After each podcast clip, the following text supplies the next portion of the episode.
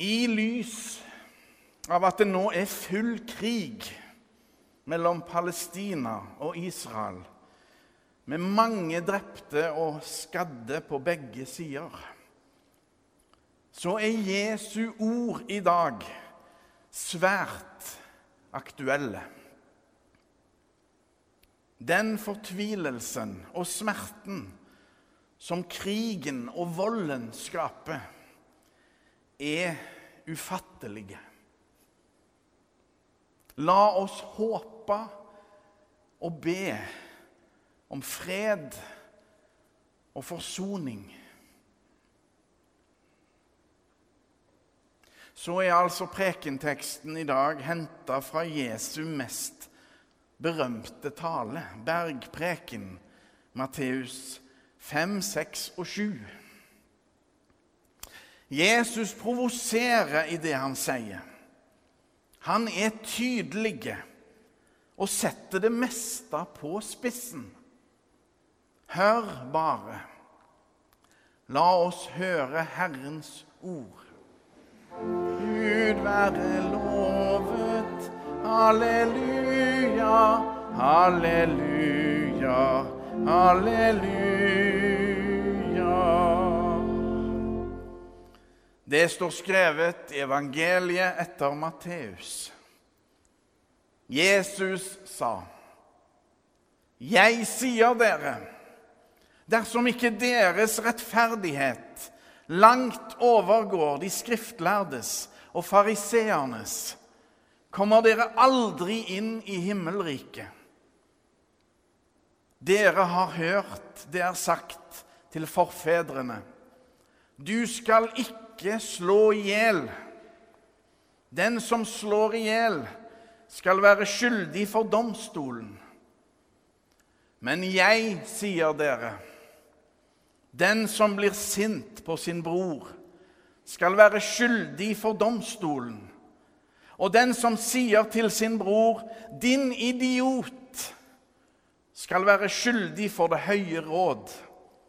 Og den som sier 'din ugudelige narr', skal være skyldig til helvetes ild.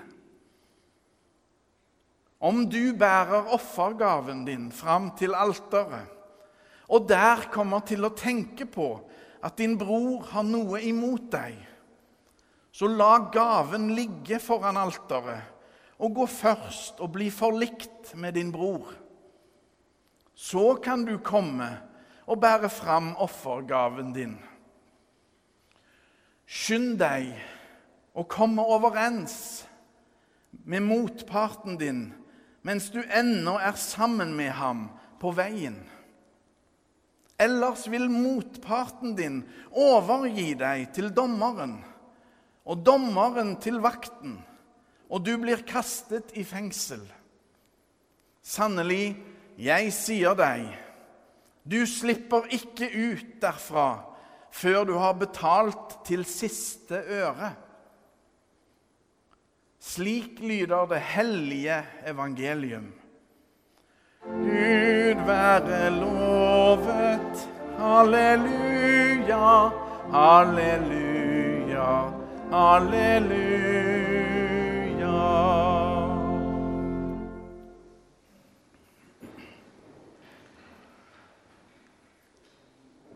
Har du et forbilde?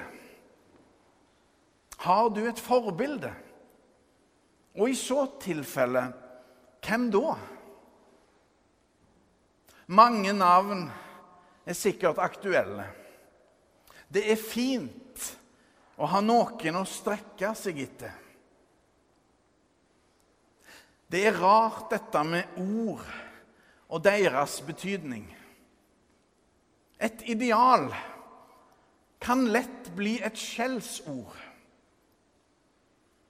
Når vi hører ordet fariseer, er det som skjellsord, ensbetydende med hykleri og falskhet. En betydning farga av Jesu oppgjør med denne religiøse eliten. Men når Jesus henviser til de skriftlærde og fariserene, er det som datidens idealer. De fromme, de gudfryktige, de som har fordypa seg i Guds hellige skrifter, Guds sannhet og vesen. Jesu poeng er sjøl de beste og frommeste strekker ikke til med sin rettferdighet. Jesus tar tak i et av de ti bud, nummer fem. Du skal ikke slå i hjel. Og i stedet for å opptre mildt og overbærende blir Jesus harde i klypa. Jesus omtolker radikaliserer det femte budet. Jesus viser oss at det er mange måter å slå i hjel på. Ødelegge og rive ned andre mennesker.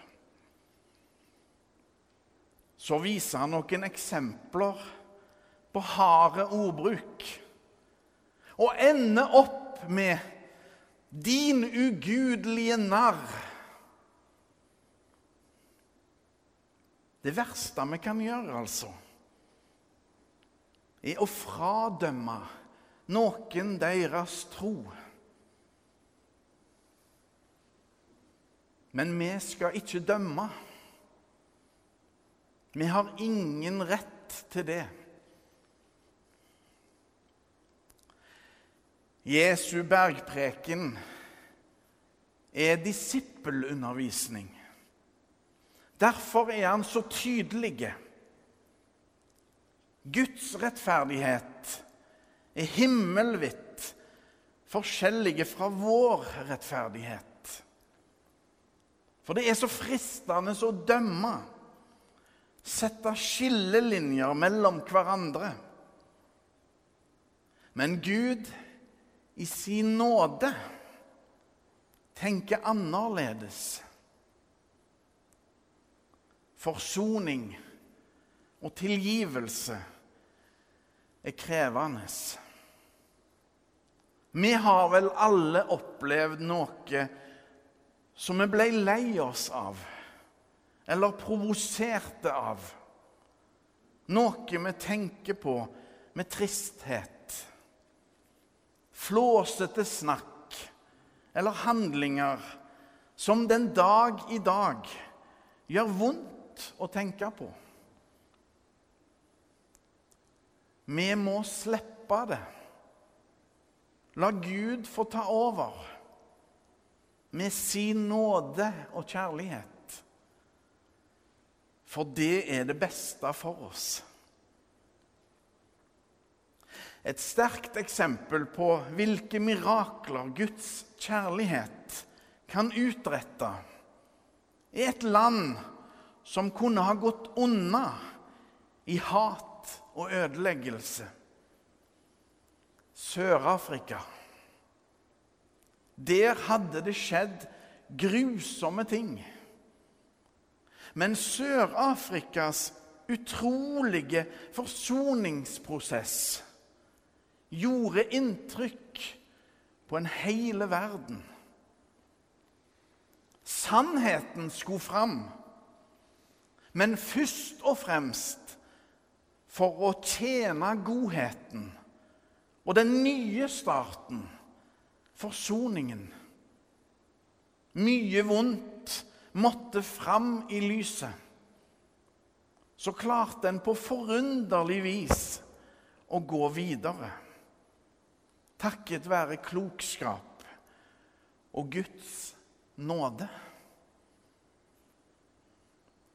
Guds rettferdighet må vi aldri ta lett på. Det å elske sin neste krever mye av oss. Det loven krever, er fullkommenhet. Men evangeliet frigjør oss alle på grunn av Guds nåde. Jesus gir oss sin kjærlighet, vasker oss reine. Jesu rettferdighet blir gjort til vår. Et forbilde er en som har betydd mye for deg. Kanskje er denne personen død nå. De har gått foran oss, akkurat som helgenene i den romersk-katolske kirka. Alle vanlige mennesker, men som ble helgenkåra fordi de hadde gjort et eller annet uvanlig. De er alle eksempler til etterfølgelse. Som for eksempel fader Maximilian Kolbe. Den katolske presten som gikk i døden for en medfange i konsentrasjonsleiren Auschwitz under andre verdenskrig. Han gikk i døden for en medfange. Han ble kåra til helgen i 1982. Men heller ikke helgenene var gode nok i hermetegn til å fortjene Guds nåde. Guds nåde og kjærlighet kan ingen gjøre seg fortjent til. Frelsen, Guds redning, er en gave. Det er som om Jesus sier dersom ikke deres rettferdighet langt overgår deres forbilders rettferdighet, kommer dere aldri inn i himmelriket. Vi forstår poenget. Det er Guds rettferdighet vi må satse på, og ikke vår egen rettferdighet. For den rekker ikke langt. Samtidig er det målet Jesus setter opp, all grunn til å følge som etisk ideal. Ord kan slå forskjellig ut.